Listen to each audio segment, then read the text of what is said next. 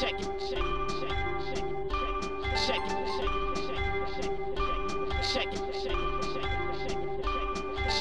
To już ten moment. Zaczynamy. Zapraszamy na pierwszy odcinek sezonu 2021 podcastu Codrive.pl. A w nim omawiamy kalendarz, który FIA przygotowała na ten rok. Czy wszystkie wyścigi się odbędą? Na które czekamy najbardziej? Co myślimy o sprintach i o nowym Grand Prix Arabii Saudyjskiej? Pomówimy także o wielu zmianach technicznych, które czekają nas w tym roku. Jak poszczególne zmiany wpłyną na konkretne zespoły? Czy dzięki tym zmianom możemy liczyć na urozmaicenie rywalizacji? Następnie analizujemy wszystkie zespoły i obstawiamy, na którym miejscu zakończą ten sezon. Które ekipy są najlepiej przygotowane do tego sezonu? Po kim spodziewamy się najlepszych wyników? A kto może mieć problem z dowiezieniem punktów? A na koniec, tradycyjnie już zapraszamy na najbliższe Grand Prix. Tym razem wybieramy się do Bahrajnu. Dzień dobry wszystkim po raz pierwszy w tym sezonie. Wchodzimy w 2021 rok. Aldona Marciniak, Cezary Gutowski i Jasie Kolejniczak. Zaczynamy tą przygodę, która będzie trwała do grudnia i powiedzcie, jesteście już zgłodniali nowego sezonu? Już wyczekujecie, czy się martwicie, że pracy dużo? Myślę, że biorąc pod uwagę kalendarz, to tak naprawdę perspektywa końca tego sezonu jest dla nas tak odległa, że tak jak mówi Cezary, nie wiem, czy dożyjemy. Nie, to ja inaczej. Ja się nie mogę doczekać, dlatego że będzie trochę spokoju, bo biorąc pod uwagę ilość rzeczy, ile trzeba przygotować przed tym sezonem i projektów, e, które się teraz rozkręcają, to moment, w którym wsiądziemy do samolotu i pojedziemy do Bahrajnu, to będzie moment, kiedy będzie przez minimum 8 godzin chociaż odrobinę spokoju. No i podczas weekendu wyścigowego, oczywiście to co najważniejsze to to, że się skupiamy na już tylko i wyłącznie na ściganiu, tak? Na tym, na tym wokół czego cała ta praca się kręci. Jest, jej- jest jej bardzo dużo, natomiast jak w końcu samochody wjeżdżają na tor, e, mamy czasy okrążeń bardziej miarodajne niż na testach e, i wszystkie samochody jadą ja- razem, tak? Jest ich 20 na torze, no to to jest właśnie ten, to jest to na co czekamy.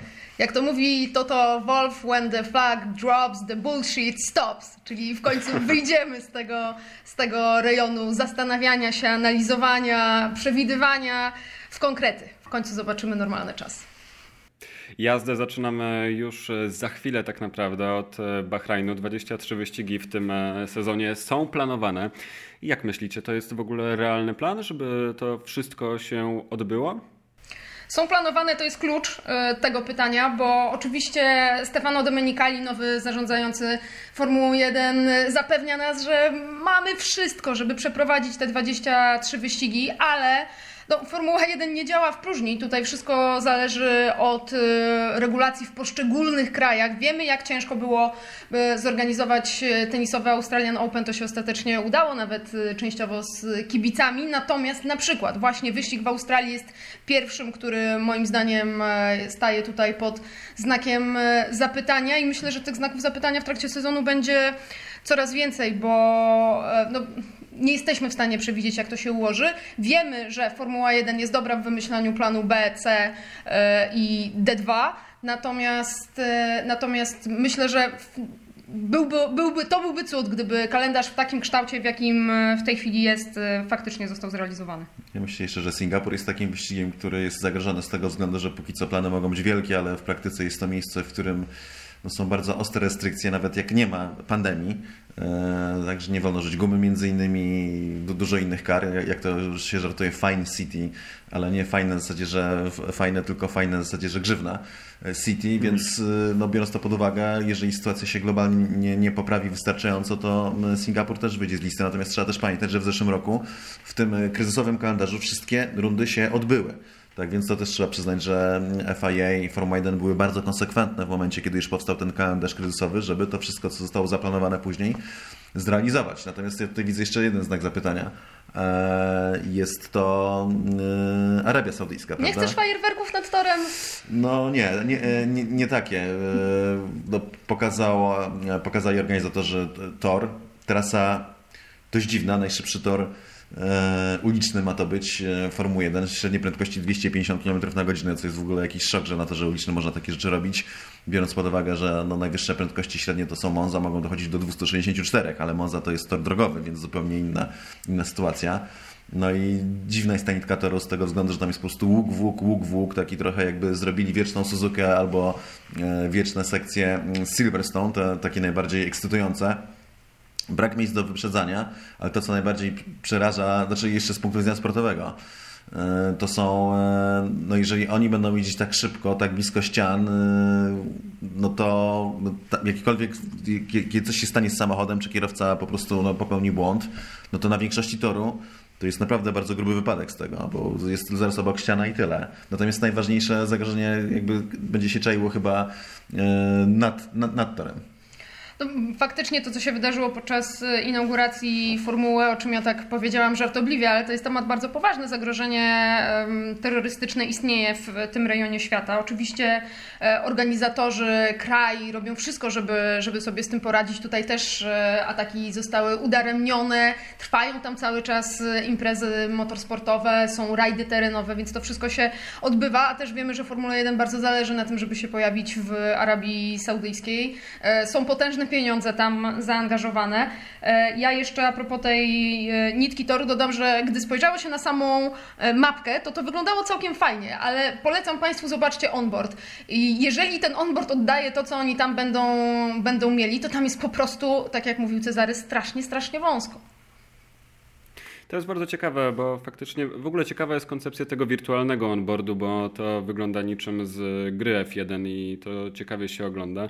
Ale faktycznie to, co Cezary powiedziałeś, że e, zwróciłeś uwagę na to, że to wygląda dosyć niebezpiecznie. Tak sobie wyobraziłem, że gdy Carlos Sainz znowu postanowi zahaczyć o bandę, tak jak w Soczi, to może już e, tak e, lekką ręką z tego nie wyjść. I do tego jeszcze może pociągnąć za sobą grupę samochodów, biorąc pod uwagę, że Ferrari będzie wystarczająco z przodu, to też nie jest wcale powiedziane. Tak więc no, tutaj widać ogromną presję, znaczy presję, chęć Formuły 1, żeby za wszelką cenę współpracować z Arabią Saudyjską. Pamiętajmy, że Aramco y, jest y, no, w zasadzie sponsorem Formuły 1 strategicznym od zeszłego roku, jeśli dobrze pamiętam. Pod koniec 2019 roku zostało zawarte takie y, porozumienie i no, nosi to takie znamiona, że o ile w wielu innych miejscach pewne kwestie byłyby przeszkodą i budziłyby kontrowersje na, na świecie, a naprawdę jest sporo rzeczy, do których można się przyczepić, jeśli chodzi o Arabię Saudyjską jako organizatora i zaczynając od kwestii takich ideowych, kwestii praw człowieka,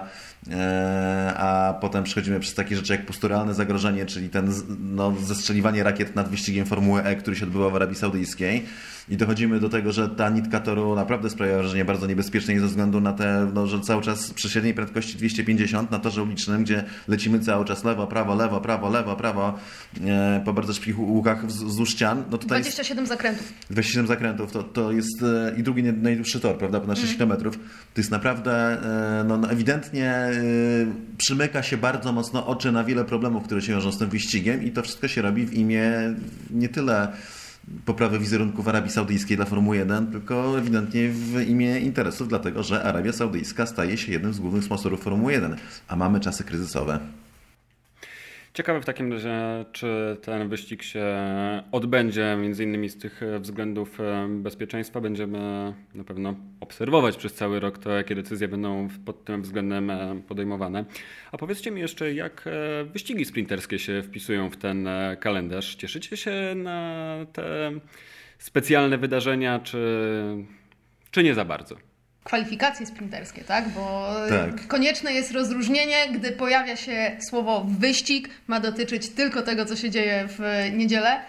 E, Ja nie jestem tego fanką. Uważam, że jeżeli był czas na eksperymenty, to zeszłoroczny sezon był lepszy pod tym względem, a, a, a, a nie ten. I e, ja wiem, że Formuła 1 szuka mm, zwiększenia atrakcyjności za wszelką cenę, ale dla mnie to nie tędy droga. Ja jestem tradycjonalistą, konserwatystą, tą Koł. koą, koą i e, generalnie no, nie, ja na nie. To ja zmienię nazwę, ja wolę, żeby to nazywać sprint kwalifikacyjny niż kwalifikacje sprinterskie i sobie pomyślałem, że jak w sobotę będzie sprint kwalifikacyjny, to w niedzielę musi być maraton wyścigowy, prawda? No to skoro w sobotę sprint, w niedzielę musi być e, maraton.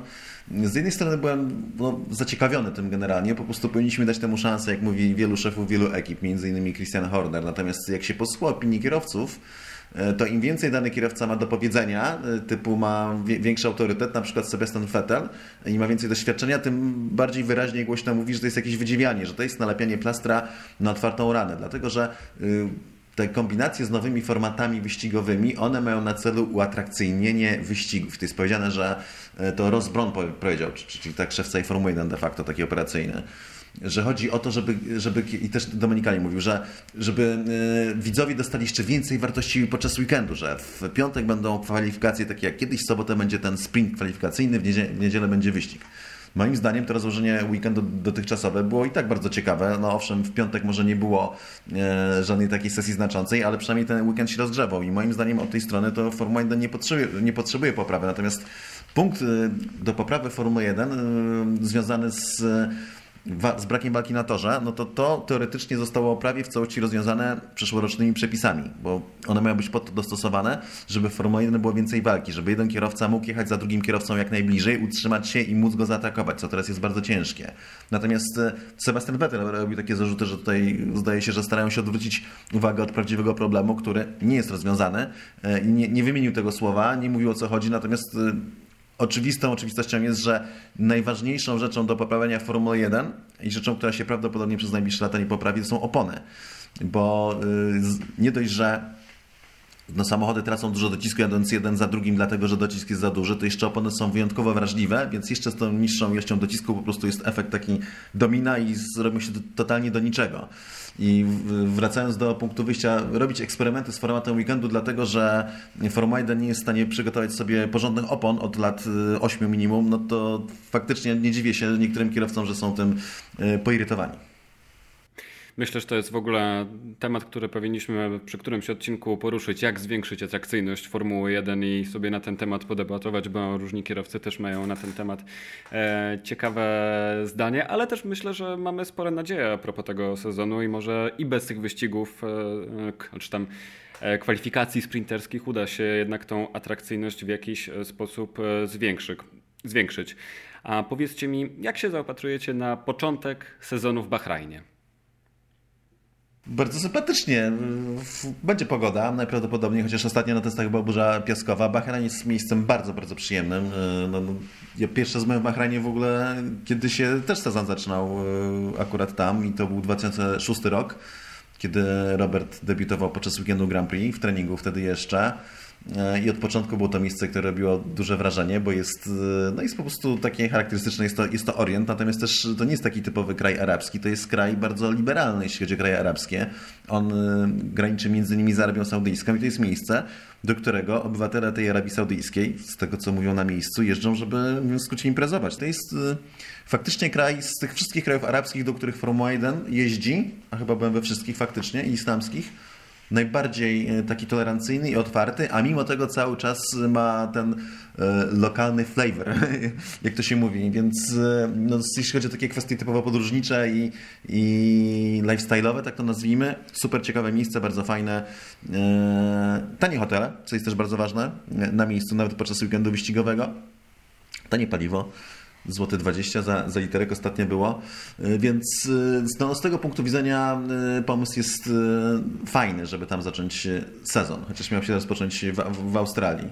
Ja z kolei jadę do Bahrajnu po raz pierwszy, więc bardzo jestem ciekawa tego, co tam zastanę. Na razie wiem, że przynajmniej jakieś 124 razy wcześniej dokona się E, brutalne potraktowanie mojego nosa, bo rzeczywiście te, e, ten reżim sanitarny jest e, dość uciążliwy.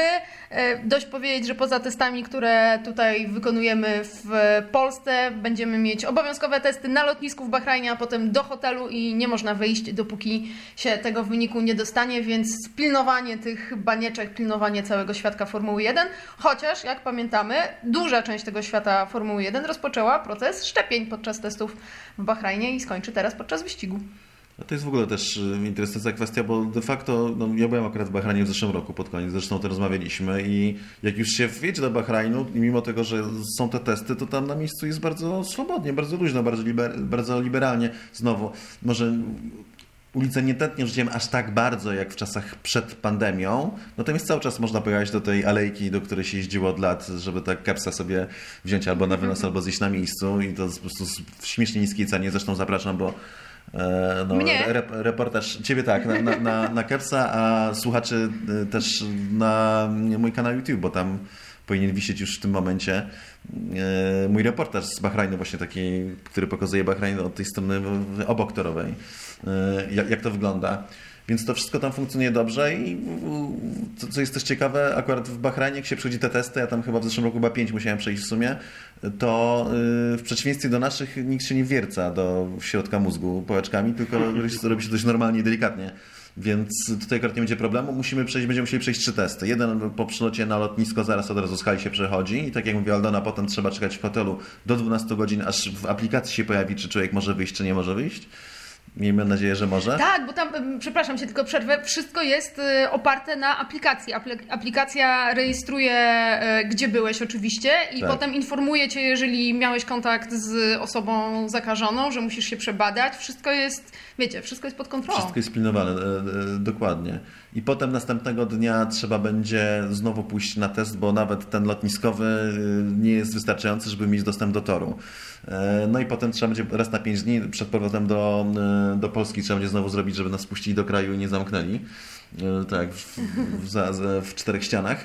A w trakcie tych pięciu dni będziemy sobie z Cezarem machać z odległości, ponieważ jesteśmy w innych bańkach. A no właśnie na nie, to jest też zabawne, dlatego że to jest właśnie to mówienie, że te strefy, podział Formuły 1 na bańki i to jest wszystko pięknie brzmi, tylko że e, bańki polegają na tym, że ja mam wstęp do biura prasowego, bo jadę na akredytację dziennikarską, co generalnie w ogóle jest super fajne i, i no, jest to dużym wyróżnieniem, bo, bo jest to wyścig, który ściągnie na pewno bardzo dużo uwagi i to jest pierwszy wyścig, sezonu, wielu dziennikarzy chciało pojechać, e, więc no, super fajnie, że że jakby my jesteśmy jako Codrive jedną z tych stron, które są tam za, e, zaproszone, natomiast Aldona będzie z kolei jako dziennikarka telewizyjna e, z Eleven Sports, więc my teoretycznie powinniśmy funkcjonować w dwóch różnych światach, tak? w dwóch różnych bańkach tak zwanych, że także się widzimy tylko przez szybę biura prasowego, które jest styczne z padokiem. Jednakowoż wystarczy wyjść z biura prasowego i przejść około 30 metrów, nie, inaczej. Wystarczy wyjść z biura prasowego i znajdujemy się dokładnie w tej strefie, gdzie wszyscy się możemy spotykać i, prze, i, i mieszać. Będziemy iść dokładnie tym samym tunelem, z tego samego parkingu,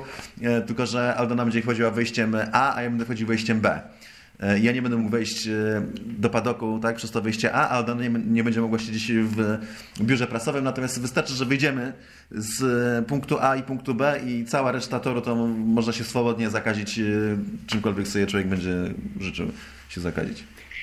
To może tam na miejscu powinno się opatentować e, takie więzienne słuchawki, żebyście mogli się pomiędzy bańkami kontaktować i przez szybę po prostu, żebyście mogli porozmawiać. Ale jak tak słucham, to nasi słuchacze i wasi widzowie powinni docenić, jak bardzo wasze nosy będą poświęcone przez tą wyprawę. Ile nosów musi przecierpieć, żeby zobaczyć to wszystko, co dzieje się tam e, na miejscu. Mam nadzieję, ale warto, no, więc, e, e, więc nie szkoda waszych nosów, skoro warto. E, Zostawmy w takim razie kalendarz. Wiemy, co będzie się działo. Nie będziemy teraz każdego wyścigu mm, rozdrabniać. Przejdźmy do bardziej, powiedzmy, trochę poważnych rzeczy i do zmian technicznych, które w tym sezonie mm, nastały. Pierwsza rzecz, która rzuciła mi się w oczy, to jest to, co było najbardziej ukrywane przed testami, czyli że tylne fragmenty podłogi. Między innymi Mercedes chował to bardzo zgrabnie. Red Bull też nie za bardzo chciał się chwalić tymi, tymi elementami, więc domyślam się, że to jest ważna strefa i ważna zmiana. E, W zasadzie chyba pośród tych wszystkich zmian, jakie zaszły, najważniejsza i to jest zmiana, która troszeczkę w połączeniu z oponami nowymi, przynajmniej w testach, e, no, odwróciła nam balans, że, że tak to ujmę, e, równowagę, jeśli chodzi nie tylko o mm, czas okrążeń, bo one mogą być złudne, ale też i o czysty balans wyważenia samochodów, czyli nagle Mercedes który e, był w zeszłym roku bardzo stabilny. Jego jakby taką główną zaletą było to, i to było widać po prostu gołymi oczami z każdego onboardu, że kierowcy mogli atakować wszelkiego rodzaju tarki, nietarki i bardzo brutalnie tarkować kierownicę i to auto wszystko znosiło. Nagle oglądamy onboard Bottasa na najszybszym kółku drugiego, dnia testów i widzi, widzimy, że siedzi na beczce dynamitu. Że jedzie owszem bardzo precyzyjnie, bardzo dobrze, ale nie mam tam takiego wrzucania w zakręty i takiego, takiej jazdy w skrócie na hama, tylko jest bardzo delikatne traktowanie samochodu i tylko czekanie na to, czy nie trzeba będzie reagować, że to auto jest nerwowe, że trzeba zupełnie mieć inny styl jazdy i to się wiąże właśnie y, w dużej mierze z tymi wycięciami w podłodze. To, co jest interesujące, to to, że Mercedes ma najbardziej zaawansowane e, aerodynamicznie właśnie te nowe strefy, bo to jest takie taliowanie e, bliżej tylnych kół. I mimo tego Mercedes najbardziej ucierpiał, jeśli chodzi o tą zmianę, e, o tę zmianę balansu. Jeżeli mogę się wtrącić, to Gary Anderson bardzo taką ciekawy, ciekawy punkt widzenia przedstawił, analizę, czy nie jest aby tak, że taki koncept, któremu Mercedes hołduje od e, dawna, e, low rake. Zwróćcie uwagę na to, że jak spojrzycie na Mercedesa, no to on jest taki, taki płaściutki, taki niziutki. Jeżeli porównacie z Red Bullem, to tam tyłek jest e, wyżej. I, i, I jedni i drudzy się tego trzymają. No i pytanie, czy te właśnie nowe regulacje, które wpływają na ten, na ten przepływ aero z tyłu, czy nie jest tak, że Mercedes przez to, przez ten swój low rake nie, nie cierpi trochę bardziej? No tak, bo mówiło się wręcz, były takie teorie w zeszłym roku, że bo, bo to Red Bull był niestabilny, w tym roku jest bardzo stabilny, to z kolei ma tył, a Mercedes był taki no, no, super, y, super zbalansowany i mówiło się, że już ta koncepcja, ta high rake, czyli tyłek podniesiony wysoko, że ona się wyczerpała, że jednak na- lepiej było pójść w tą stronę, w którą poszedł Mercedes aerodynamicznie i jechać samochodem, który jest bardziej płasko na ziemi ustawiony. Tymczasem y, właśnie pojawiły, się te wycięcia w podłodze, no też oczywiście trochę skrócone dyfuzory, y, delikatnie zmniejszone, to jest druga też ważna zmiana i nowe opony. No w każdym razie ta kombinacja tych trzech zmian nagle sprawia, że jest odwrotnie, że ten high rake Red Bull nagle jest ba- bardzo stabilny, też między innymi dzięki temu oczywiście, że został poprawiony, to bez wątpliwości, na przykład nowe tylne zawieszenie w Red Bullu. E, Natomiast Mercedes, y, który no, został przewidziany na ten low rake, nagle robi się bardzo, bardzo nerwowy. Aczkolwiek to trzeba też podkreślić, nerwowy nie znaczy wolny. Zakładając, że część ekip będzie miała w Bahrajnie problemy, że podczas testów e, wykryli faktycznie pewne, pewne niedociągnięcia i w Bahrajnie okaże się, że wcale nie udało się zlikwidować e, tych problemów. Jak duży wpływ na to, jak będzie wyglądał ten sezon, e, ma limit budżetowy, który został wprowadzony? E, Wiecie, po pierwsze limit budżetowy nie dotyczy wszystkich ekip, dotyczy kilku ekip i em, może mieć wpływ rzeczywiście pod jednym, pod jednym kątem. To znaczy w tej chwili, jeżeli, jeżeli odkryłeś w Bahrajnie jakiś problem, to nie jest tak, że będąc Mercedesem możesz e, nagle stworzyć całkowicie drugi zespół, który będzie pracował tylko nad tym i e, działać równolegle. E, musisz się zmieścić w ramach tych zasobów, które masz, co jest, jest normalne dla ekip, które operują przy mniejszych budżetach, że muszą wybierać. Bardzo często o tym rozmawialiśmy, no nie wiem, na przykład w kontekście Williamsa przez lata, że, że to nie jest tak, że, że możesz sobie pozwolić na to, żeby rozwijać równolegle kilka koncepcji i potem wybrać tą, tą jedną. Już na etapie planowania musisz zdecydować, na co poświęcić te bardzo ograniczone środki, więc coś, co było codziennością e, większości ekip, nagle stało się codziennością tych e, ekip dużo lepszych, które muszą się zmieścić w dużo mniejszych finansach. Natomiast e, jedna rzecz w tych zespołach się nie zmienia. Oni się po pierwsze przygotowali dobrze na, te, na wprowadzenie limitów budżetowych, po drugie nie tylko pieniądze, e, ale też to, jak się je wydaje i jak się pracuje, e, tutaj przesądza, o czym świadczy najdobitniej przykład Ferrari, które, które wydaje najwięcej na, na, na Formułę 1 w ostatnim czasie, a i tak miało za sobą najgorszy sezon, więc y, to jest kwestia kultury pracy, a to cały czas y, w tych topowych ekipach jest na topowym poziomie.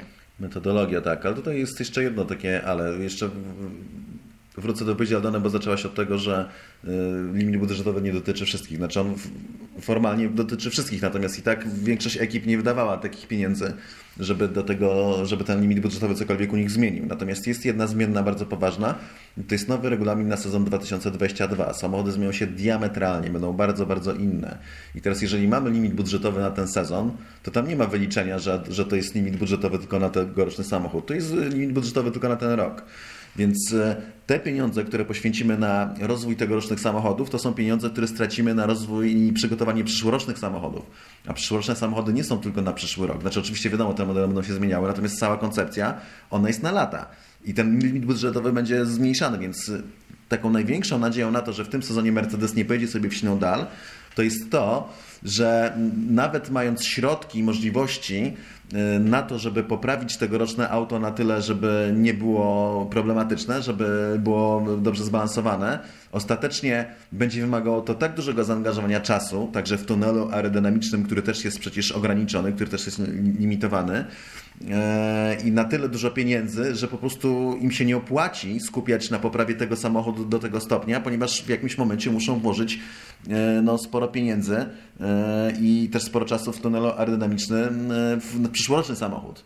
Więc no, te zmienne połączone ze sobą, one sprawiają, że jest jakaś nadzieja, że ten limit budżetowy faktycznie odmieni losy sezonu. Bo gdyby, gdyby go nie było, to w tym momencie, no tak jak mówię Aldona, że bez żadnego problemu tutaj równolegle, tu zespół już pracuje nad sezonem 2022, tutaj mamy osobną grupę ludzi, którzy bardzo intensywnie rozwiązują nasz problem. Tak już zrobić nie można. To ja zakończę ten wątek y, jedną wypowiedzią. E, Laurent Mekis z Ferrari mówi, że praca nad tegorocznym autem, udoskonalanie tegorocznego auta to są 3-4 wyścigi max. Potem wszystkie środki na 2022. Więc to jest ten czas, który ma Mercedes na to, żeby się poprawić, aczkolwiek też są te wypowiedzi ostatnio rozmawiałem z Robertem, on wykazuje taką pewność, wszyscy konkurenci w zasadzie i także Valtteri Bottas ostatnio czytałem wypowiedzi takie też bardzo, bardzo pewne swego, że Mercedes E, poradzi sobie, tak, że w tym krótkim czasie doprowadzi auto do stanu użyteczności. E, to, co jest najważniejsze, to to, że prędkość jest, tak, ten samochód jest szybki, jest szybszy niż się wydawało po ostatnim dniu testów, natomiast no, kwestia tego, czy będzie zbalansowany, tak, czy będzie się nim jeździło łatwo jak zeszłorocznym, czy jednak tym razem Louis i baterii będą musieli trochę popracować nad kierownicą, żeby, żeby coś z niego wycisnąć.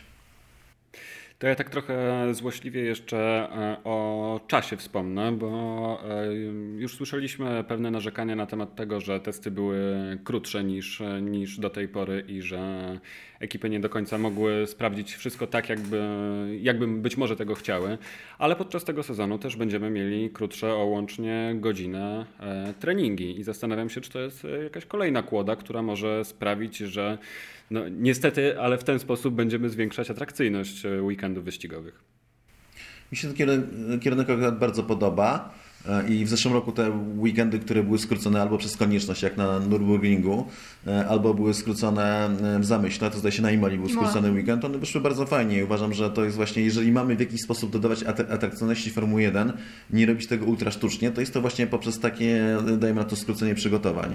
E, I wielu kierowców stwierdziło, że nawet porównując właśnie te sesje normalne z tym, co, co było zaproponowane w zamian, mówiło, że było fajniej i że tak naprawdę tej jazdy w piątek było trochę za dużo, bo to były dwie półtora godzinne sesje. E, często było tak, że no, tak była dużyzna i że na przykład zdarzyło się, że samochody przez jakiś czas nie jeździły w ogóle. Więc akurat e, pod tym względem podoba mi się, podoba mi się zmiana weekend, formatu weekendu, żeby, żeby te treningi były krótsze. To jest akurat dobry ruch moim zdaniem. Natomiast rozbicie tego weekendu na to, żeby już w sobotę był wyścig i w niedzielę osobny wyścig, moim zdaniem, znaczy z ciekawością to zobaczę, ale nie widzę za bardzo, w sensie nikt nie potrafi dokładnie wyjaśnić, co to ma zrobić i dlaczego to jest. Wszyscy mówią ogólnie, że no tak, że tutaj chodzi o to, żeby było bardziej atrakcyjnie, że tutaj, żeby bardziej przyciągnąć uwagę kibiców. Moim zdaniem uwaga kibiców nie, nie zostanie bardziej przyciągnięta z, z, tego powodu. E, a tak naprawdę no, nikt poza Sebastianem Vettelem nie potrafi wytłumaczyć tego najlogiczniej. Najbardziej do mnie trafia argument Vettela, że to jest po prostu robione po to, żeby sztucznie przykryć prawdziwy problem, jaki trapi Formuła 1. To przejdźmy w takim razie już do zespołów i do tego, co mają przygotowane, co myślicie o tym, jak są przygotowane poszczególne zespoły. I zacznijmy od dołu tabeli, czyli od e, Williamsa. Ty Cezary śmiałeś się trochę u siebie na, na vlogach z George'a Russella, który mówił, że, że wszystko zależy od tego, jak e, zawieje, ale no to faktycznie może być e, problem, z którym się będzie Williams, Williams borykał, ale może się wydarzyć tak, że Williams w końcu zdobędzie punkty? Myślę, że tak, że są, no to już najwyższa pora. To znaczy, może nie tyle się śmiem z George'a, bo on jakby, teoria jaką on wysnuł jest bardzo ciekawa, tak, że uznali, że jeżeli będą mieli stałe osiągi z samochodu na tym poziomie, na jakim mają teraz, to stale nie będą mogli zdobyć punktu. Yy, Co tutaj trochę jakby no, no delikatnie zapomina, że mogli w zeszłym roku zdobyć punkty, gdyby on sam tych punktów nie zmarnował, tak? Jadąc yy, właśnie konstant na, na takim ustawieniu. Natomiast dobra, to pomijmy, niż nie bądźmy tacy złośliwi. Chociaż już się stali. No dobra, to już się stało, nieważne. Natomiast E, faktycznie takie nastawienie, że ok, zbudujemy auto, które będzie problematyczne na większości torów, szczególnie jak źle zawieje, ale uda nam się trafić 2-3 weekendy, podczas których e, wiatr zawieje w dobrą stronę i akurat to będzie dobry tor dla nas, typu no, z ich słów można wywnioskować, że to będą tory takie jak Monza, trochę może jak Azerbejdżan, czy jak Spa, no to w ten czas możemy po prostu wywalczyć punkty własnymi siłami i a przecież, żeby nie być ostatnim w tabeli konstruktorów w zeszłym roku, no to Hasowi wystarczyły trzy punkty, tak dobrze pamiętam. I to były właśnie takie y, dwa momenty, kiedy coś jakimś cudem udało się punkty wyścigu dowieść, coś czego Williams jakby nie dokonał. A tak naprawdę George coś czego nie dokonał. Tak więc takie nastawienie, że dobra, że owszem, będzie ciężko i będziemy tracić na innych torach, ale dzięki tej konfiguracji, zwiększeniu tego docisku, który będzie większy, ale auto będzie bardziej kapryśne, że przynajmniej sobie zwiększamy szansę na to, że coś będzie, że coś padnie e, do tej tabeli punktowej, no to w tej sytuacji może jest trochę desperacki, ale może zadziałać. Natomiast jest jeszcze jeden problem z ich punktu widzenia, że e, no wcześniej mogliby w tym systemie myśleć o walce z Alfa Romeo. Tymczasem teraz wygląda na to, że Alfa Romeo będzie już wyjdzie z tej strefy, że zdobędziemy punkty jak przy farci, a wejdzie do, do strefy, że będziemy mieli częściej szansę zdobywać punkty, więc wyjdzie z tej grupy losowej. Ale na szczęście mają Hasa, który z kolei jakby idzie w drugą stronę. Pamiętajcie też, że Williams ciaśniej współpracuje z Mercedesem. To jest akurat na plus. Williams, który e, wcześniej przez filozofię rodziny, przez filozofię Claire był jedynym zespołem, który nie miał karbonowej skrzyni biegów na przykład, więc e, tam też e, jeśli chodzi o sam sprzęt, o to co jest w środku, to idzie, idzie do przodu. Ale to trzeba znaczyć, że dopiero od przyszłego roku mają bierać od Mercedesa mm. skrzynię biegów i tam no więcej tak, komponentów. Tak, tak, Na ten sezon to jest jeszcze w zasadzie tak, ewolucja zeszłorocznego mm, samochodu. Zobaczymy w takim razie, co George Russell i Nicolas Latifi będą mogli pokazać, ale tak jak wspomniałeś, e, Haas jest też pewną nadzieją dla Williamsa, ale moim zdaniem jest też w ogóle nadzieją dla całej Formuły 1 i może to Haas zwiększy atrakcyjność e, wyścigów za sprawą nowego składu kierowcy. Tutaj szczególnie patrzę w stronę Nikity Mazepina, który jest wychwalany przez ciebie, Cezary, przy różnych e, okazjach. I zresztą nie mówię, że tylko ty na to zwracasz uwagę, bo ciężko oglądając e, różne jego przygody z Formuły drugiej, nie mieć wrażenia, że faktycznie włoży głowę tam, gdzie inny nie włoży ręki. No, no, albo główkę. Znaczy, słuchając e, Mazepina, szczerze mówiąc, jego wypowiedzi są bardzo przytomne teraz i takie bardzo dojrzałe. To pytanie, na ile się będą e, rozmijały z działaniami na torze. Natomiast Mik to też orłem nie jest, mówiąc w skrócie. I tutaj z, z e, Abu Zabi, zdaje się, był taki, czy to było w Bahrajnie incydent. Chyba w Abu Zabi, jak ten, jak wjechał przed, zdaje się, Rejanissen i wcisnął hamulec do oporu wjeżdżając przed nos, yy, zderzyli się i jeszcze mi przytadio, co on zrobił, co on zrobił, nie? Było prostu tak mało przytomne, mówiąc tak durne, że no przyszła supergwiazda Formuły 1 na żadnym etapie kariery wyścigowej nie powinna zrobić czegoś takiego po prostu, nie? Bo to naprawdę było takie kompromitujące. No ale to nic nie mniejszając. Jeśli chodzi o Hasa, to co mnie ostatnio rozbawiło, E, to to, że Ginter Steiner powiedział, jakby żeby podbudować Mika, powiedział, że powinien, za, jakby, że Niki Lauda powiedział, że on najwięcej się nauczył e, e, przegrywając i że teraz, żeby Mick Schumacher powinien się szukać na naukę, nie? w sensie, że tak, że, żeby, żeby, żeby oni tak, no po prostu wszystko co robią, to szykują świat na to, że dostaną straszne bęcki w tym roku. Bo dostaną straszne bęcki w tym roku. E, zapowiedzieli już, że, że oni tego samochodu nie zamierzają udoskonalać, więc... E, no to jest praktycznie zeszłoroczny samochód, troszeczkę tam kilka podłogę musi dostosować, tam jakieś kilka drobnych wstawek, a poza tym jest to nierozwijane auto. Więc to jest kandydat numer jeden do ostatniego, do ostatniego miejsca i w tej sytuacji, tak jak e, Jasiek zacząłeś, no najciekawsze co jest w tym zespole to faktycznie ten skład, a tutaj kontrowersji nie będzie brakować, natomiast też forma Hasa i samochód jest doskonałym wytłumaczeniem tłumaczeniem dla tych dwóch kierowców i dlaczego będziemy ich oglądać w tyle stawki. Liczymy w takim razie na to, że będziemy mogli dzięki nowym kierowcom obejrzeć spektakularne starty, e, których miejmy nadzieję nie, nie zabraknie, a Mikowi i Nikicie życzymy dużo nauki, bo chyba na to się muszą w takim razie e, szykować. Alfa Romeo która e, teoretycznie z silnikiem Ferrari, który według Antonio Giovinazziego faktycznie sprawuje się lepiej, ma szansę, tak jak powiedziałeś Cezary, trochę jednak piąć się w górę w tym sezonie. No Kimi też mówił, że silnik sprawuje się lepiej i co więcej, no najważniejsze wypowiedzi e, Toniego dotyczyły zachowania mm, aerodynamiki, czyli że no w momencie, kiedy wszystkie zespoły mają problem z wiatrem, e, no to jedne auto są bardziej wrażliwe na wiatr, na przykład Mercedes bardzo wrażliwy e, i Andy Chauvin, tak, czyli szef inżynierii od strony toru, mówił o tym, że właśnie te obroty Luisa i te problemy z dużej mierze wynikały, że auto traciło mocno balans właśnie ze względu na podmuchy wiatru, wiatr w plecy i to był duży problem. O tyle Alfa Romeo pod tym względem była stabilna, więc Alfa Romeo z całą pewnością, znaczy z całą pewnością najprawdopodobniej podskoczy, natomiast to znowu jak rozmawiam z Robertem, zwracam uwagę, co też no, widać na zdrowy rozsądek, jeszcze przed testami o tym mówiliśmy my, że strata, w sensie, że y, Alfa, ósma Alfa Romeo do siódmej Alfa Tauri traciła, już teraz nie pamiętam, kilkadziesiąt punktów, prawda? To, to było jakiś bardzo potężny, bardzo potężny margines. Więc e, chodzi o to, że możemy liczyć na to, że Alfa Romeo się mocno poprawi, ale biorąc pod uwagę, jaką miała stratę do reszty stawki w zeszłym roku, wyjście poza to ósme miejsce w Mistrzostwach Świata Konstruktorów może być bardzo, bardzo ciężkie, a być może nawet niemożliwe. To w takim razie w jakim miejscu jest e, w ogóle Alfa Romeo? Bo e, mówiłeś o tym, że Williams będzie chciał gdzieś starać się wyżej wskoczyć. Hasa odkładamy zupełnie na boki i tak naprawdę nie liczymy go albo nie traktujemy po prostu na poważnie. Alfa Tauri e, zarzeka się, albo przynajmniej Helmut Marko, że będzie walczyła na szczycie środka stawki.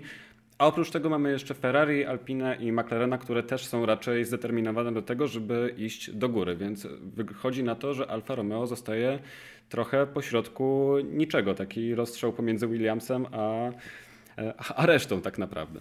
No tak, troszkę taka ziemia niczyja, bo spodziewamy się, że będzie dużo lepiej niż w przypadku Hasa i Williamsa, natomiast doskoczyć z kolei do tych, którzy są z przodu. Cezary mówił o tej stracie, więc ja szybko sprawdziłam, 99 punktów. No. Więc to jest ta, to, no, to, jest bardzo dużo i to jest, to jest coś, co będzie ogromnie, ogromnie trudno nadrobić, szczególnie biorąc pod uwagę, że jeżeli już patrzymy wyżej, to nie mamy tam kandydatów oczywistych do tego, żeby spaść. Przeciwnie, Alfa Tauri robi na razie bardzo dobre wrażenie i wygląda na to, że będzie stabilniej bliżej tej grupy z przodu niż spadnie i y, będzie, będzie w walce z grupą z tyłu ale e, nawet jeżeli to się nie przełoży na pozycję w Mistrzostwach e, Świata Konstruktorów, to może się przełożyć na lepsze pojedyncze wyścigi, na więcej punktów, na więcej takiej codziennej frajdy podczas e, weekendów wyścigowych w Alfa Romeo. Na to liczę. No tak, to żeby uporządkować końcówkę stawki, to ja tylko dodam, wtrącę się w Twoją rolę, wybacz Jasiek, Moim zdaniem końcówka tabeli na 90% to jest Alfa Romeo 8, Williams 9, Haas 10, choć między Williamsem a Haasem zawsze może być ten element zaskoczenia. Natomiast no, końcówka tak wygląda. Pytanie, kto może być siódmy? Ja mam kandydatów, a jak wy? Ciężko e, jest to przewidzieć, ale nie, ja się nie podejmę strzelania chyba siódmego miejsca, bo wydaje mi się, że tutaj będzie zbyt dużo czynników, może nie tyle co losowych, ale zbyt dużo się może wydarzyć podczas e, tego, e, tego sezonu. A jak wy widzicie to siódme miejsce? Ja myślę, że ono jednak zostanie przy Alfa Tauri, ale po walce. A ty jak obstawiasz, skoro się. No, z całą tak pewnością wychyliłeś. będzie to młyn i ta grupa, sta, jakby środka stawki, o czym też już od dawna mówiliśmy, ona będzie ciasna. Natomiast mi się na tym etapie wygląda na to, że Alpin jest najlepszym mm. kandydatem na siódme miejsce. No, przykro, bo tam wraca Fernando Alonso, przykro, bo szefem zespołu jest, e, jest Marcin Budkowski, czy, czy, czyli nasz inżynier. E, bardzo kompetentna osoba. Natomiast e, po pierwsze, tak jak się słucha trochę komentarzy po testach, to w Alpin faktycznie jest ta najmniejsza pewność siebie i czytałem cytat dziennikarza marki, który rozmawiał z Fernando prywatnie i powiedział, że Fernando powiedział, że generalnie zrobi dobrą pracę i że jest ok, ale że auto jest trochę wolne i że wejście do Q3 będzie wielkim wyzwaniem. To nie jest za dobry prognostyk, jeśli chodzi, jeśli chodzi o, o te przedsezonowe prognozy. A druga rzecz jest taka ta koncepcja samochodu Alpin, czyli żeby zrobić jak najszczuplejszą pokrywę silnika, tak, bo dzięki temu jest lepsza aerodynamika, szczególnie z tyłu, szczególnie właśnie w okolicach dyfuzora. No, Renault nie zrobiło na ten sezon tak kompaktowego silnika jak na przykład Mercedes, więc musieli część rzeczy przenieść wyżej w samochodzie. E, to mówi się, że są to elementy układu chłodzenia i stąd ten taki, takie karczycho nie w samochodzie trochę. No tak, no tak, na Airboxie, że tak wygląda jak taki packer, nie? Ten, ten, ten samochód. E, to się wiąże z podniesieniem środka ciężkości raz, ale tutaj Marcin Budkowski powiedział, że i tak zawsze można zyskać więcej na mm, aerodynamice, natomiast to jest jedyny zespół, który zrobił auto w takiej koncepcji i mm, może się okazać, że ta koncepcja jednak, że ona nie jest za dobra, że to nie jest tak rewolucyjna, że wszyscy będą mieli karczycha y, później, tak, w, da, w dalszej fazie sezonu, tylko to będzie taki element konstrukcyjny, a tego się nie poprawi z dnia na dzień, bo już o tym mówiliśmy dlaczego, jakie czynniki będą na to wpływały, więc może się okazać, że Alpin y, idąc w tę stronę z tą koncepcją po prostu utnie już na ten sezon y, no, w jednym miejscu. To skoro jesteśmy już e, przy Alpin, to e, jeszcze wywołałbym na sekundę Fernando Alonso. Jak dużo wniesie do, do, do zespołu i ile tak naprawdę jest w stanie wyciągnąć? I myśmy tutaj raczej chyba pod kątem e, przyszłego sezonu niż tego, bo tak jak zwróciłeś uwagę, Alpin nie wygląda, nie uśmiecha się za bardzo po, po testach i nie pokazuje, żeby było jakoś szczególnie, szczególnie zadowolone. Kto oglądał już Drive to Survive, to słyszał, że bardzo chwaliło się Daniela Ricciardo, który podobno uporządkował w Renault pewne sprawy. Jest to wielokrotnie podkreślane, że, że faktycznie Daniel przyszedł, pomógł nam pracować, jest nam bardzo żal, że, że odchodzi. To wszystko było wyraźnie podkreślane, więc myślę sobie, że Fernando y, fantastycznie przejmie tą pałeczkę po, po Danielu, tylko zastanawiam się, dokąd to e, będzie prowadziło z e, temperamentnym Hiszpanem. No tak, Alonso nie można odmówić y, charyzmy i tego, że lubi sobie ułożyć y, zespół pod siebie, a propos tego uporządkowania, no to Wiecie, nie wiem na ile to wyszło. Ja e, oglądałam z, z ubawieniem e, komentarz e, dziennikarzy Skaja do testów, którzy próbowali ustalić, jak właściwie wygląda struktura władzy właśnie w Alpin. E, mówił Cezary o tym, że, że Marcin Budkowski jest tam e, szefem. On jest jednym z szefów i tak naprawdę masz czterech różnych i trudno się połapać, kto przed kim. Niby wiadomo, kto przed kim odpowiada, ale jednak e, każdy jest odpowiedzialny trochę za coś innego. To jest coś, co, co e, w Renault od zawsze jest moim zdaniem piętą achillesową. Ta struktura, brak jednego wyraźnego e, lidera w zarządzaniu ekipą. Fernando Alonso jako kierowca mm, wniesie bardzo wiele. Ja nie mam co do tego najmniejszych wątpliwości, no ale mogą być rzeczy, których nie przeskoczy po prostu. Dużo tematów nam z tego wyszło. To, wracając do tego, to co się działo w Renault i fakt, że tak wszyscy chwalili Daniela, że przez tej rzeczy poukładał, to tylko pokazuje, jak fenomenalnym szefem był Cyril Abitbul, prawda? Mm. Jak świetnie rzeczy działały za jego rządów, nie? Rozkminił organizację perfekcyjnie. E, mi się też przypomina e, wypowiedź Daniela Ricardo po tym, jak przyszedł do McLarena, że nie mówił o Renault, natomiast mówił, że tutaj jest trochę bardziej tak, że on wchodzi w miejsce, w którym puzzle są już poukładane i on jest jednym z tych puzli. po prostu, że już jakiś schemat, który funkcjonuje, się rozwija, wchodzi, a nie idzie do, domyślę do delu, mówiąc w skrócie, że tak powiem. Tak, e, no więc e, to tyle, jeśli chodzi o punkt wyjścia e, organizacji w Renault. Natomiast oni zmienili strukturę faktycznie i no ja rozkminiłem, nie chwaląc się, ale potem e, i rozkminiłem dobrze, bo potem zostało potwierdzone. E, po prostu kierując się tymi wypowiedziami, czasami takimi trochę pośrednimi na temat tego, kto się czym zajmuje, wynika z tego, że tak naprawdę szefem wszystkich szefów w rodzinie Renault jest Luca De Meo, czyli, czyli po prostu prezes zarządu. E, natomiast szefem Alpine jako takim jest Laurent Rossi. Natomiast on nie będzie odpowiedzialny za działanie zespołu na co dzień. Przed nim będą odpowiadali szefowie operacyjni. E, więc takim szefem operacyjnym e, zespołu będzie Marcin Budkowski tak naprawdę, bo e, no, mam jeszcze oczywiście Davide Brivio, który przychodzi do ekipy, on przychodzi z MotoGP, z Suzuki i on będzie twarzą zespołu, on będzie takim szefem sportowym od strony toru, więc on będzie motywował mechaników, będzie motywował ludzi, i mm, no, on będzie jakby doglądał tych na co dzień rzeczy, które dzieją się operacyjnie na torze. Natomiast Marcin Budkowski to jest facet, który będzie e, działał, jakby czuwał nad tym, jak działa fabryka generalnie i to obie fabryki i w Enston e, i w Willy Chatillon, czyli Enston nadwoziowa, Willy Chatillon silnikowa e, i nie będzie jeździł na wszystkie wyścigi, to Marcin Budkowski de facto jest takim no, najważniejszym e, szefem tej ekipy. Słuchajcie, to w takim razie zostawmy Alpin i jeszcze w dwóch słowach chciałbym wrócić do Alfy Tauri. Tutaj już się zgodziliśmy z tym, że będzie będzie starała się wystrzelić do przodu i, i, i, walczyć o zdecydowanie wyższe lokaty. I zastanawiam się, e, czy do tego sukcesu przyczyni się także Yuki Tsunoda, który się pokazał z fenomenalnej strony podczas testów i wygląda na to, że wszyscy duże nadzieje pokładają w młodym Japończyku. E, ja pokładam nadzieję i w Japończyku, ale też w silniku Hondy, która mimo, że odchodzi z Formuły 1, to wygląda na to, że zrobiła kolejny krok do przodu i widać to i po Alfa Tauri i po Red Bullu. Czas Alfa Tauri bardzo dobre, tam oczywiście kwestia tego użycia DRS-ów przy tym najlepszym kółku Yuki Tsunoda, ale generalnie nie zmienia to e, jednej rzeczy, że Alfa Tauri wygląda na samochód bardzo przyjazny w prowadzeniu, mm, a to jest coś, co, co będzie miało znaczenie w tym tym sezonie. Pierwszy sprawdzian, no właśnie, już w Bahrajnie mówiliśmy o, e, Czarek mówił, że pogoda w Bahrajnie zawsze dobra, zawsze dobra, a na weekend bardzo wieczna.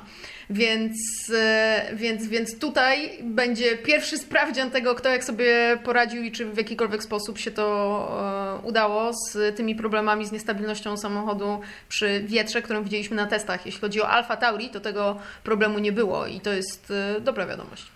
Czyli dwa czynniki moim zdaniem. Jeden to przypomina mi jeszcze, jak kiedyś gadaliśmy z Albertem na temat jego pierwszego testu w Formule 1.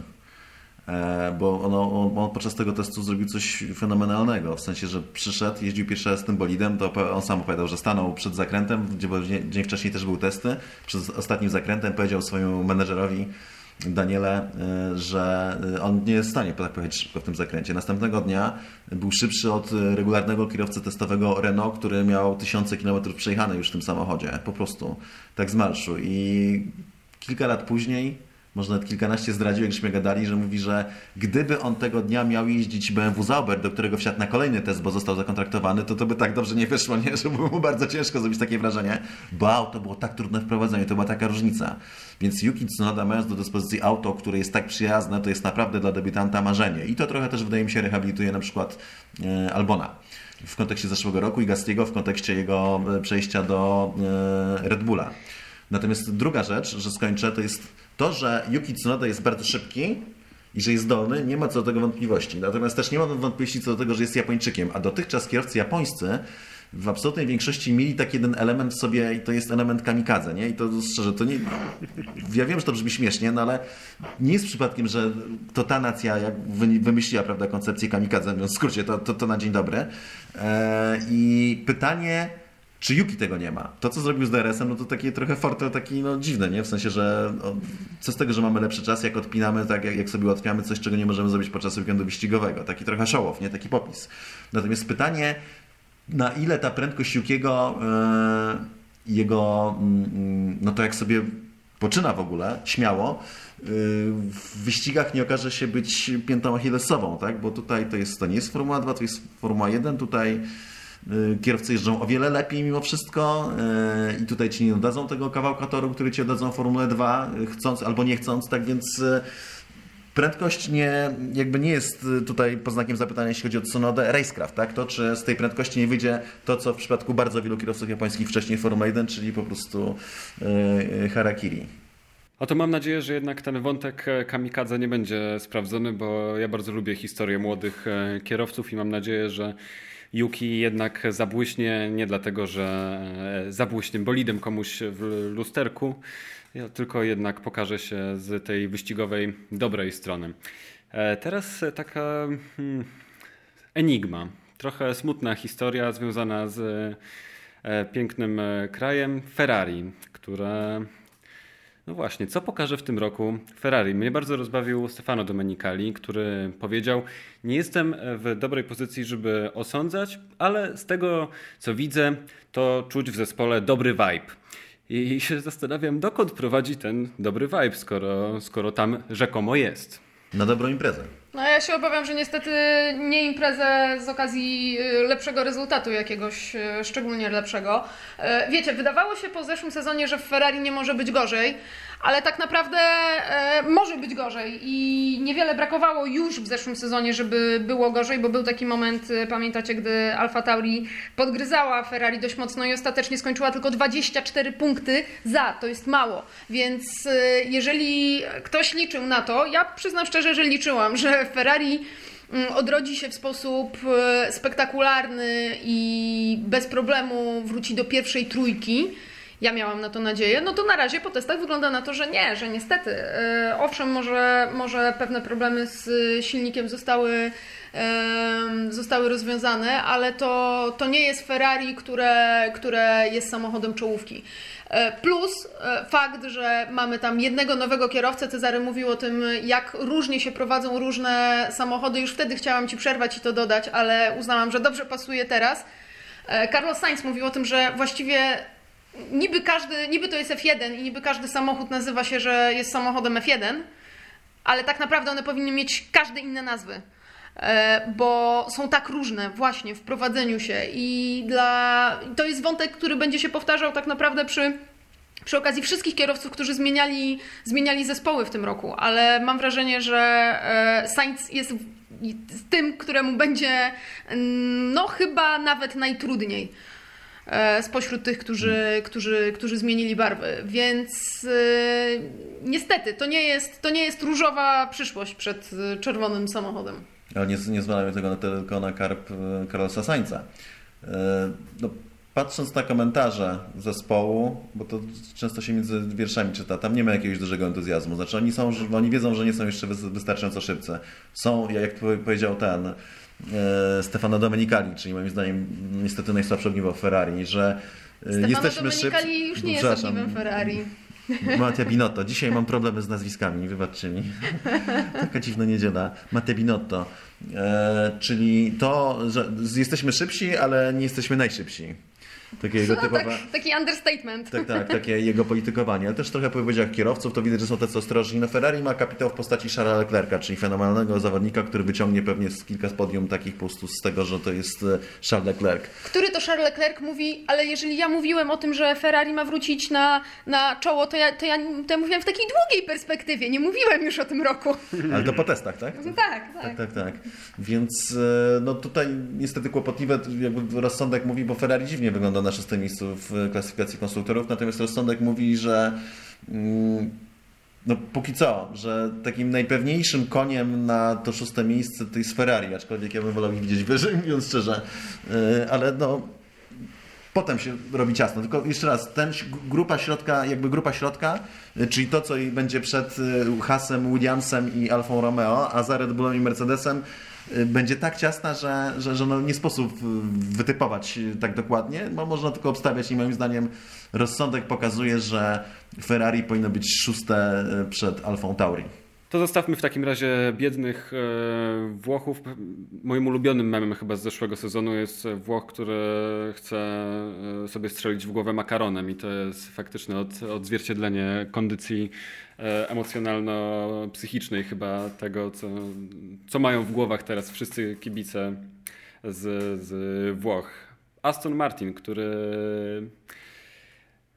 Tutaj znowu się odwołam do Drive do Survive. Był bardzo piękny moment, w którym e, Lawrence Stroll wchodzi i jest pokazany jako taki naprawdę poważny biznesmen, którego się szanuje w zespole, który ma koncepcję rozwoju. Z drugiej strony na prezentacji bolidu był Lorenz, który mówił, że spełnia marzenia i że ma w sobie tego ducha motoryzacyjnego. I zastanawiam się, dokąd ten Aston Martin jedzie tak naprawdę i co e, Aston Martin chce wyciągnąć. Czy cały czas jest to drugi Mercedes, który nie będzie się za bardzo wychylał, zwłaszcza, że jest tam w tej chwili Sebastian Vettel, który e, musi jeszcze mieć trochę czasu na to, żeby się odnaleźć e, w zespole, czy jednak to jest Aston Martin, który będzie sprawiał, że będzie zamieszanie z przodu stawki. Myślę, że słabością Astona jest skład kierowców. Myślę, że słabością Astona jest Sebastian Vettel teraz. Tak, no, czy zobaczymy jak się ogarnie. On ostatnio tak mówił, jakby rozprawiał się z mitem rzekomym, że on sobie gorzej radzi z samochodami, które mają niestabilny tył i mówił, że jemu się wydaje, że wcale to tak nie jest, że nie ma jakichś większych problemów niż inni kierowcy. To ciekawe, to dlaczego się tyle razy obracał, szczególnie w autach, które miały niestabilny tył. Eee, no myślę, że tutaj bardzo wiele będzie zależało od tego, czy Sebastian Vettel w tym nowym środowisku, a mówi, że jest tutaj ukochany, też tak jak Aston mówił, że go przytulił ukocha, to on został przytulony i ukochany. Eee, no, jeżeli go tak sprawią, że będzie się czuł lepiej niż Ferrari, E, i do tego jeszcze dadzą mu auto, które będzie miało jednak tył stabilny, wbrew temu co mówi, no to może faktycznie błysnąć, bo ten samochód będzie raczej szybki, będzie szybszy niż pokazały to testy. Natomiast patrząc na to, co się dzieje jakby w układzie z Mercedesem, ja nie mówię, że to się wydarzy w tym roku czy teraz, natomiast e, ostatnio mnie taka napadła teoria, mówiłem o tym we vlogu, że Formuła 1 może zmierzać do takiej koncepcji nie, że mamy Team A i Team B, czyli mamy Red Bulla jako zespół A i Alfa Tauri jako zespół B, który nie może podskoczyć do Red Bulla i że będzie miał Mercedesa i zespołem B Mercedesa e, będzie właśnie e, Aston Martin, tylko że raczej idzie w kierunku takim, żeby mieć żeby jedna firma, czy powiedzmy konsorcjum, e, żeby miało interesy w dwóch markach i wtedy robimy równolegle i silną Alfa Tauri i Red Bulla, to pod kątem bardziej przyszło. Teraz już do tego zmierza, ale to jeszcze nie jest ten moment.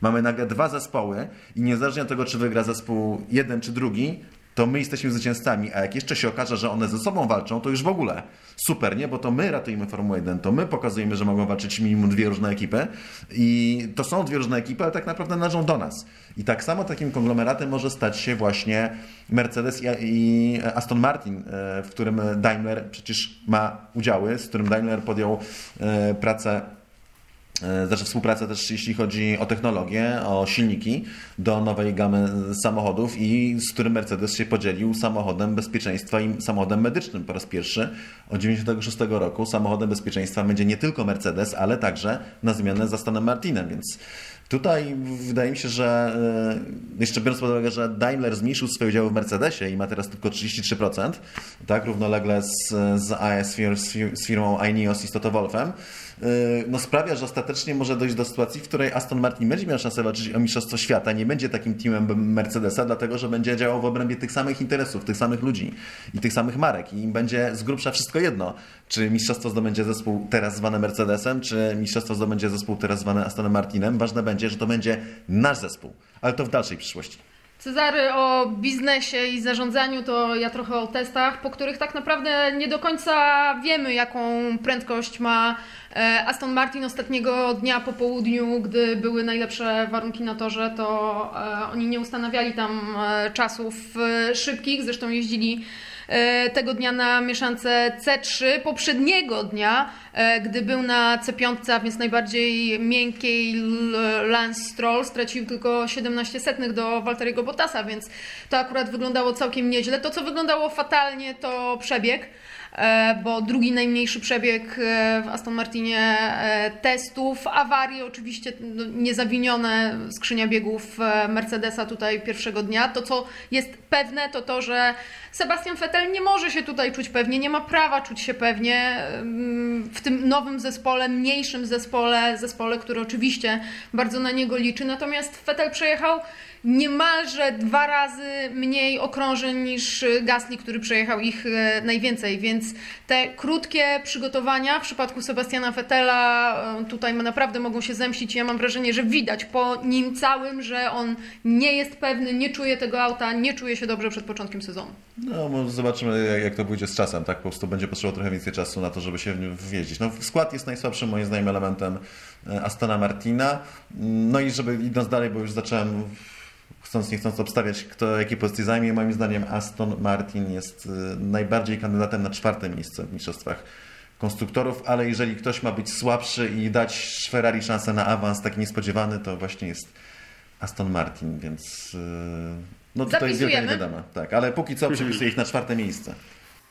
Jestem bardzo ciekawy, czy Sebastian odnajdzie tą odrobinę miłości, której tak bardzo poszukiwał w nowym e, zespole, ale to przyjdzie z zbliżającymi się wyścigami. Teraz bym skupił się na zespole, na którym chyba szczególnie, ze szczególnymi emocjami będę spoglądał przez ten rok, czyli e, mowa tutaj oczywiście o McLarenie. Lando Norris i Daniel Ricciardo. I tutaj mam do Was kilka tak naprawdę pytań, bo po pierwsze zastanawiam się, w jakiej kondycji jest McLaren. Podczas testów widzieliśmy swego rodzaju enigmatyczne, ale jednak bardzo dobre tempo bardzo umiarkowane wypowiedzi wszystkich i takie niechcące zapeszać chyba tego, co, co, co, co tak naprawdę się, się kryje w zespole. A z drugiej strony zastanawiam się, jak będzie wyglądała rywalizacja Lando Norrisa i Daniela Ricciardo. Z jednej strony jednak cały czas świeży chłopak, który jeszcze nie ma tylu kilometrów i takiego doświadczenia jak Daniel, ale jednak chłopak, który pokazał, że potrafi szybko jeździć. No a z drugiej strony właśnie Daniel, który już ma na karku niesamowite osiągnięcia. Ale no, jak ta konfrontacja będzie wyglądała? Kto tutaj będzie, nie wiem, czy można mówić o kierowcy numer jeden, ale jak to wszystko będzie tam organizacyjnie wyglądało i z jaką prędkością spodziewamy się, że McLaren wystartuje? No, trzeba pamiętać, że Daniel jest przede wszystkim nowy w McLarenie, tak? że Lando zna zespół, że Lando zna te konkretne samochody, jak one są jakby skonstruowane i działanie, więc to jest jakby przewaga dla niego. Jest kierowcą bardzo zdolnym, bardzo szybkim, natomiast no, ja tam Daniela Ricardo umieszczam w czwórce najlepszych kierowców Formuły 1 obecnie, na czwartym miejscu co prawda, ale jednak i no, być może Lando to w McLarenie zweryfikuje.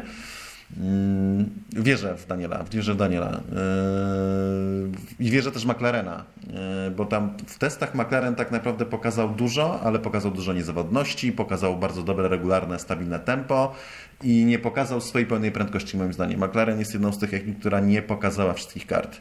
E, ale to, co najważniejsze, McLaren pokazał, że się rozwija, że faktycznie te nadzieje pokładane w zmianach, w tym, że przyszedł Andreas Seidel i za nim jeszcze kilka innych osób, ta restrukturyzacja, że mimo tego, że McLaren to nie w długach i właśnie sprzedaje swoją fabrykę, którą będzie podnajmował od nowego nabywcy i szuka pieniędzy tu i tam, jako ekipa funkcjonuje bardzo dobrze idzie do przodu. Więc yy, to jest kandydat na niespodziankę sezonu, aczkolwiek wydaje mi się, że trzecie miejsce w klasyfikacji konstruktorów to jest takie utrzymanie go, tylko że mocnego, mocniej niż w zeszłym roku. To jest taki dobry punkt dla McLarena, plus zaistnienie na podium nieraz i być może nawet zwycięstwo y, w wyścigu. Będą 23 ponoć, no to, no to będzie dużo okazji, żeby skorzystać z tego, że się tam może komuś w Red Bullu czy w Mercedesie powinąć noga. Jeśli Cezary mówisz, że w e, Astonie Martinie najsłabszy punkt to kierowcy, to tutaj Zach Brown wychodzi i mówimy, mamy najlepszy skład w całej Formule 1. I ja myślę, że rzeczywiście bardzo wiele osób będzie patrzeć na, właśnie na tę rywalizację, bo jest chyba, tak jak mówisz, Jasiek, najciekawsza i z racji umiejętności i potencjału w przypadku e, Norisa i z racji ich poczucia humoru jednego i drugiego. Więc jeśli chodzi o klimat w tym zespole, to to jest taki, to to jest taki nowy Red Bull. E, tak jak kiedyś Red Bull był najbardziej wyluzowaną i najbardziej śmieszkującą ekipą w padoku, to teraz e, pewnie będzie to McLaren, który jeszcze do tego jest napędzany silnikiem Mercedesa od tego roku. Do tego dodajmy ten dyfuzor który oni wymyślili inaczej to rozwiązanie niż, niż wszyscy inni. To no, trochę tak jak Czarek mówi o, o Karczychu Alpin. W przypadku tego, w przypadku takich sytuacji, gdy zrobiłeś coś inaczej niż wszyscy inni, no to na dwoje babka wróżyła. No, albo wszyscy się pomylili i czegoś nie zauważyli, albo ty jednak przestrzeliłeś. Zobaczymy jak będzie w McLarenie, ale to nie jest tak drastyczne no, z McLarenem jest postrzeganie jednak takie, że to raczej oni jako jedyni zauważyli coś, czego mhm. inni nie spostrzegli. Także tutaj ten że ten dyfuzor to był bardzo dobry pomysł. No i kolejny, to kolejny punkt dla McLarena. I co, obstawiacie, że trzecie, miejsce. miejsce? Ja tak. Madonna się zgodziła, kiwnęła głową. w podcaście słabo widać. Państwo widzieli. No to zobaczymy. Jestem bardzo ciekaw, czy ta przyjaźń Landa z Danielem pozostanie taką cudowną przyjaźnią, e, jak była do tej pory i czy to będzie nowy duet e, Carlos, e, nowa odmiana duetu Carlos Lando, czy ja bym się tego nie trzymał. chłopaki na torze się będą trochę ścierali. Moim zdaniem nie. Bardziej. Moim zdaniem nie, bo ale będzie bardziej, bardziej bo to szczerze mówiąc to Carlos jest taki trochę ten, nic mu nie umiejąc, ale jest taki trochę ten ugodowo bierny, że tak to mówię, tak, ugodowo miętki tutaj lubi podgrać trochę twardziej i tak dalej, tak naprawdę ma takie serce ten, poczciwe. Romantyczne. E, Daniel jest ten, taki tutaj super fajny, otwarty i słodki, ale ten, w razie czego potrafi naprawdę wyrwać z gardła to, co jest jemu należne, a może nawet i nie do końca, ale to, co ma w zasięgu i jest, i wbrew, wbrew pozorom jest innym typem niż Carlos Sainz, więc tej chemii między nimi, między e, Ricardo a Norrisem może nie być.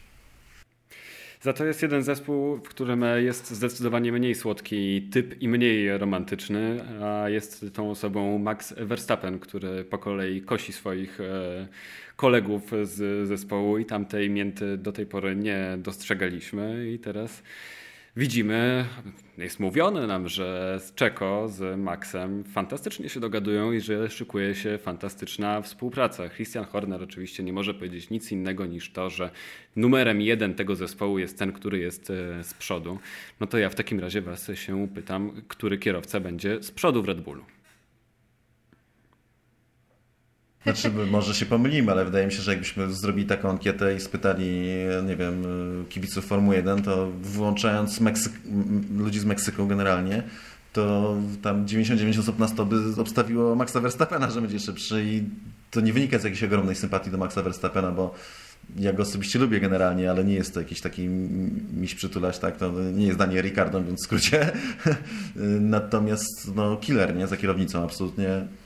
Prawdopodobnie Najlepszy jeżeli, kierowca tak, Formuły 1. Jeżeli co ktoś jest powiedzieć. lepszym kierowcą od Louisa Hamiltona w tym momencie Formuły 1, no to na pierwszym miejscu jest to Max Verstappen. Co prawda ostatnio po Grand Prix Turcji jednak trochę się wycofałem z tego, biorąc pod uwagę co zrobił tam Max, a co zrobił tam e, Lewis Hamilton. Tak? No, no, po- pokazał tak, że jednak to jego doświadczenie i, i jego kunszt, no, no po prostu był fenomenalny jego występ, no ale też trzeba pamiętać, że w tej Turcji, która była absolutnie wyjątkowa, bardzo, bardzo śliska, w warunkach, w których nie powinno się jeździć, tak samo jak w Żyrzu się nie jeździ po deszczu, tak samo oni nie powinni wtedy jechać po tym torze, no to jednak Hamilton miał samochód, który jeździł sam, a e, Verstappen miał samochód, który miał bardzo nerwowy tył i wydaje mi się, że gdybyśmy jakby wzięli te auta, przełożyli teraz do, do takich warunków tegorocznych, kiedy Red Bull ma tył stabilny, a Mercedes nie, przynajmniej na początku, tak, podczas testów, to mogłoby się okazać, że to Max by był tym bohaterem wyścigu, a nie Lewis Hamilton. Red Bull wygrał testy oczywiście, wygląda na mocny, wygląda na dobry w prowadzeniu, to o czym mówił Cezary, zmienione tylne zawieszenie. Swoją drogą tutaj jeszcze szybka dygresja do Alfa Tauri. Oni w ramach e, przepisów mogli skopiować e, bez problemu zeszłoroczne zawieszenie Red Bulla, ale z e, pełnym wyrachowaniem tego nie zrobili. Tylny, bo- mówimy o tylnym. O tylnym, Przedni tak, tak, wzięli tak. od Red Bulla. e, o tylnym, ale z pełnym wyrachowaniem tego nie zrobili, pamiętając ile, ile tam było problemów z niestabilnością tej tylnej osi. W każdym razie e, pytanie, co z Perezem. Już on e, poznaje na własnej skórze, jak to jest być w rodzinie Red Bulla, jak tam wygląda politykowanie i doktor Marco Perez wychodzi i mówi, no, nie czuję się przygotowany do, do sezonu, będę potrzebował kilku wyścigów. Marco wychodzi, "Nie, jak to nie, no, wszyscy jest, jesteśmy gotowi od, od, od początku. Sergio Perez jest gotowy, więc y, no, witamy w Red Bullu, Sergio Perez. No, trzeba też pamiętać, że zadaniem Pereza nie jest to, żeby był najszybszy w Red Bullu. Nie jest jego zadaniem, żeby dorównał Maxowi. Jego zadaniem jest złapać się w obrębie 1 do 0,2 sekundy góra za Maxem Verstappenem i myślę, że na te dwie dychy to go stać spokojnie. Nie we wszystkich rundach, nie zawsze, bo Sergio jednak ma takie, powiedzmy, szarpane czasem lepiej, czasem gorzej, natomiast jak będzie miał swój dzień yy, i będzie jakby no, w ogniu, no to będzie, może być konkurencyjny wobec yy, Maxa, ale no, wątpię, żeby tak regularnie miał taką prędkość, taką formę jak Max, bo Max po prostu, co by się nie działo, yy, każdego dnia, o każdej porze dnia i nocy wchodzi do samochodu Formuły 1 i no, jeździ jak dzik, co tu dużo mówić, po prostu jest, jest killerem. Yy, Perez takim kierowcą nie jest. No więc dla mnie liderem zespołu definitywnie był, jest i będzie Max Verstappen. Co do, żeby za, tak zakończyć znowu obstawianiem, yy, będę, będę myślał życzeniowo i yy, pomyślę sobie, że jednak problemy Mercedesa są większe niż się zdaje i że no po prostu liczę na to, że Red Bull będzie nie, bo tam jest Perez. Dobra, Mercedes będzie y, mistrzem świata konstruktorów, ale to Verstappen będzie mistrzem świata kierowców. O, To jest O, to. Bardzo byśmy chyba wszyscy chcieli, żeby Twoje predykcje się e, sprawdziły, e, ale skoro już przechodzimy do Mercedesa, to zanim o tych problemach, które wyszły i które z nadzieją po prostu wszyscy patrzymy na to, co tam się w Mercedesie wydarzy, to myślicie, że e, Valtteri Bottas lepiej się sprawuje jako drugi kierowca niż będzie to robił Sergio Perez? Bo powiedziałeś, że Mercedes jednak wygra tą klasyfikację konstruktorów i że Red Bull e, powinien być e, drugi. E, Ale to w takim razie Valtteri jest e, lepszy niż e, Perez w tym e, zestawieniu? Dla mnie tu różnica polega na tym, że e, Valtteri Bottas już jest w tej sytuacji od lat i świetnie wie, jak się w niej zachować. Już to przełknął e, wiele razy i nie trzeba go na nowo do tej roli sprowadzać. W przypadku Sergio Pereza on musi, sam dla siebie w głowie, musi przyjść do zespołu z nastawieniem, że będzie walczył i ta droga, to przełknięcie tej pigułki gorzkiej, że jest drugim kierowcą, to jest jeszcze przed nim i przed Red Bullem e, wypracowanie tych relacji. W przypadku Valtteriego Bottasa to już jest done and dusted dawno temu. No mi się wydaje też, że po pierwsze e, Bottas jest e, stabilniejszy generalnie mm, jako kierowca i psychologicznie, wbrew temu, że ostatnio mówiono o tym, że może powinien mieć mental coacha. Mi się wydaje, że jest stabilniejszy o wiele od Sergio, który też jest generalnie bardzo pewny siebie, zawsze był i raczej spokojny. E, I wydaje mi się, że e, nie wiem, może się mylę, ale że to może być rok Bottasa generalnie. Że jeżeli w jakimkolwiek momencie w swojej karierze Bottas ma w ogóle myśleć, marzyć o walce o Mistrzostwo Świata, to to jest now's the time. To tam to było w Kill Billu, jest taki fajnie powiedziane, tylko jeszcze z dodatkiem, jak mokasyn dalekowschodni. Powiem wam, że jak tak rozmawiamy, to po prostu już mam taką nadzieję na początek tego sezonu, bo jest tutaj tyle znaków zapytania, które sprawiają, że chcielibyśmy już poznać odpowiedzi na to, co się wydarzy w Bahrajnie, e, że naprawdę już ten sezon mógłby się e, dzisiaj zacząć, już teraz mógłby ten wyścig jechać. E, Ale to w takim razie skupmy się na tych problemach Mercedesa, które, które wyszły w, w, w Bahrajnie właśnie i które sprawiają, że w ogóle mamy nadzieję na to, że ten sezon może okazać się bardziej ekscytujący niż poprzednie lata. Myślicie, że to jest problem, który jest do rozwiązania? Tak jak zresztą mówi, mówił w rozmowie z Cezarem Robert Kubica, czy to jest rzecz, która się okaże większym problemem i Mercedes będzie musiał odpuścić ten rok na rzecz przygotowywania przyszłorocznego bolidu? Słuchajcie, po testach e, główne pytanie było jedno: udawali czy nie udawali? Ukrywali potencjał czy nie ukrywali? No i teraz, e, okej, oczywiście jest dużo rzeczy, których, które możesz ukryć. Możesz jechać e, cięższym bolidem, możesz jechać na innych e, modach silnika i zdaniem chociażby Maxa Verstappena e, właśnie to robili i pełnej prędkości nie pokazali. A więc co to oznacza? Że prędkość w tym bolidzie jest, że są bardziej szybcy niż, niż, niż to się wydaje. Rzeczy, której nie udajesz i nie jesteś w stanie ukryć, to awarie. Nie, nie jesteś w stanie udawać, e, udać specjalnie awarii skrzyni biegów, więc e, to jest coś, co, co trzeba wziąć e, pod uwagę, tym bardziej, że no, wystąpiło to w dwóch samochodach, bo także w Astonie Martinie i nie wiedzą dlaczego i się kompletnie tego nie spodziewali. Więc tego nie będziesz udawał. Nie będziesz też udawał tych e, problemów e, z niestabilnością tyłu i obrotów. To Lewis Hamilton nie, nie, nie obraca się specjalnie na torze po to, żeby wszyscy inni myśleli, że, że jest słabszy niż jest.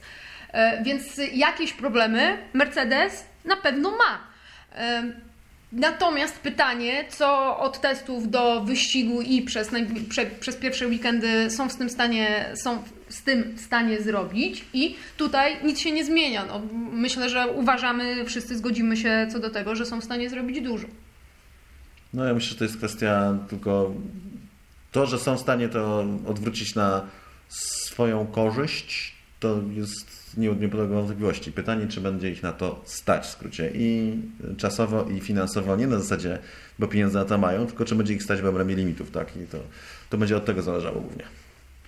Mi po głowie chodzi takie mm, otwarte w zasadzie pytanie, bo nie, nie sądzę, że dzisiaj jesteśmy w stanie e, na nie odpowiedzieć, ale czy ten sezon będzie polegał bardziej na walce cały czas z Mercedesem, który będzie nadal bardzo szybki i będzie to polegało na gonieniu i na szansach dogonienia Mercedesa w różnych sytuacjach? Czy jednak mamy jakąkolwiek szansę na to, żeby zobaczyć walkę trzech albo i nawet czterech zespołów w, o czołowe lokaty? Czy to będzie znowu gonienie tak naprawdę Louisa Hamiltona i Walteriego Bottasa, którzy gdzieś będą się potykali? Czy okaże się, że e, za tydzień, znaczy już za kilka dni w Bahrajnie e, będziemy oglądali w końcu rywalizację o pierwsze i drugie miejsce? Liczę na rywalizację. Znaczy, no, znowu, może myślenie życzeniowe, ale jednak Red Bull, Mercedes nie pokazał wszystkiego i, i, są tu problemy, które muszą rozwiązać. Być może zrobią to szybko, ale Red Bull pokazał, że jest mocny. Co prawda jeździł lżej niż Mercedes, wszyscy to przyznają, łącznie z Red Bullem, że miał mniej paliwa, ale jest to samochód stabilny, samochód, któremu można zaufać i samochód, który ma kierowcę Maxa Verstappena, kierowcę fenomenalnego, więc możliwa jest taka sytuacja, że Mercedes będzie autem szybszym, ale będzie trudniejszym w prowadzeniu. A w pierwszym wyścigu ma wiać? Tak, z kolei Red Bull będzie być może trochę wolniejszy, ale za to będzie łatwiejszy do opanowania i dzięki temu te przewagi mogą nam się zmieniać z weekendu na weekend, tego pozostaje nam sobie liczyć. I no, liczę też na to, że gdzieś tam będzie się do czasu do czasu dobijał e, i mieszał z przodu McLaren. Czemu nie? Na wybranych torach, wybranych warunkach, wybranych okolicznościach jest to całkiem, całkiem możliwe. Dopływamy w takim razie do przystani w Bahrajnie. Moje ostatnie pytanie do Was to, ostatnie pytanie do Was to jak, co tak naprawdę będziemy widzieć po kwalifikacjach i e, wyścigu? Czy to zdefiniuje nam układ sił na cały sezon, czy to będzie jeszcze się rozwijało przez e, kilka najbliższych wyścigów? Wiecie, jak to jest. Gdy się spotykamy na testach, wszyscy mówią spokojnie, to tylko testy, poczekajmy na kwalifikacje. Gdy się spotykamy na pierwszych kwalifikacjach, wszyscy mówią spokojnie, to dopiero pierwsze kwalifikacje. Mm. Zobaczmy, jak jest na różnych torach. Więc oczywiście i tu, i tu jest trochę, trochę prawdy. Tutaj pierwszy wyścig e, dość nietypowo odbywa się na torze, na którym e, trwały testy. Trzeba będzie poczekać na, na, na trochę innych konfiguracji, żeby dowiedzieć się czegoś więcej, to na pewno, ale no taki pierwszy sprawdzian sił, nie, to już będzie dość poważne. No ja to widzę tak, na to liczę, tak, że mamy z przodu mamy walkę Red Bulla z Mercedesem, gdzieś tam od czasu do, do czasu się przewinie McLaren albo Aston Martin. E, za ich plecami z Astonem Martinem i z McLarenem e, trochę częściej walczą ekipy takie jak Alfa Tauri, moim zdaniem kandydat na piąte miejsce, Ferrari i Alpine. E, I bardzo ciasno tutaj zmiennie w środku stawki i dalej mamy Alfa Romeo, i Hasa z Williamsem, czyli Williamsa z Hasem mówiąc, bo Has moim zdaniem jest kandydatem na ostatnie miejsce w tym roku. Tak to no, na dziś tak to się mniej więcej prezentuje, a jak jest naprawdę, to czas pokaże. Zapisujemy, będziemy rozliczać pod koniec sezonu. To ja z wypiekami na twarzy w takim razie kończę tą naszą e, rozmowę i nie mogę się już doczekać, aż e, za tydzień będziemy mogli porozmawiać o tym, co się wydarzyło i czy te nasze nadzieje się spełniły, czy znowu niestety będziemy musieli pogodzić się z tym, że Mercedes jest w dalszym ciągu najlepszą ekipą. Czas pokaże. Aldona Marciniak, Cezary Gutowski i Jasie Kolejniczak. Dziękujemy bardzo.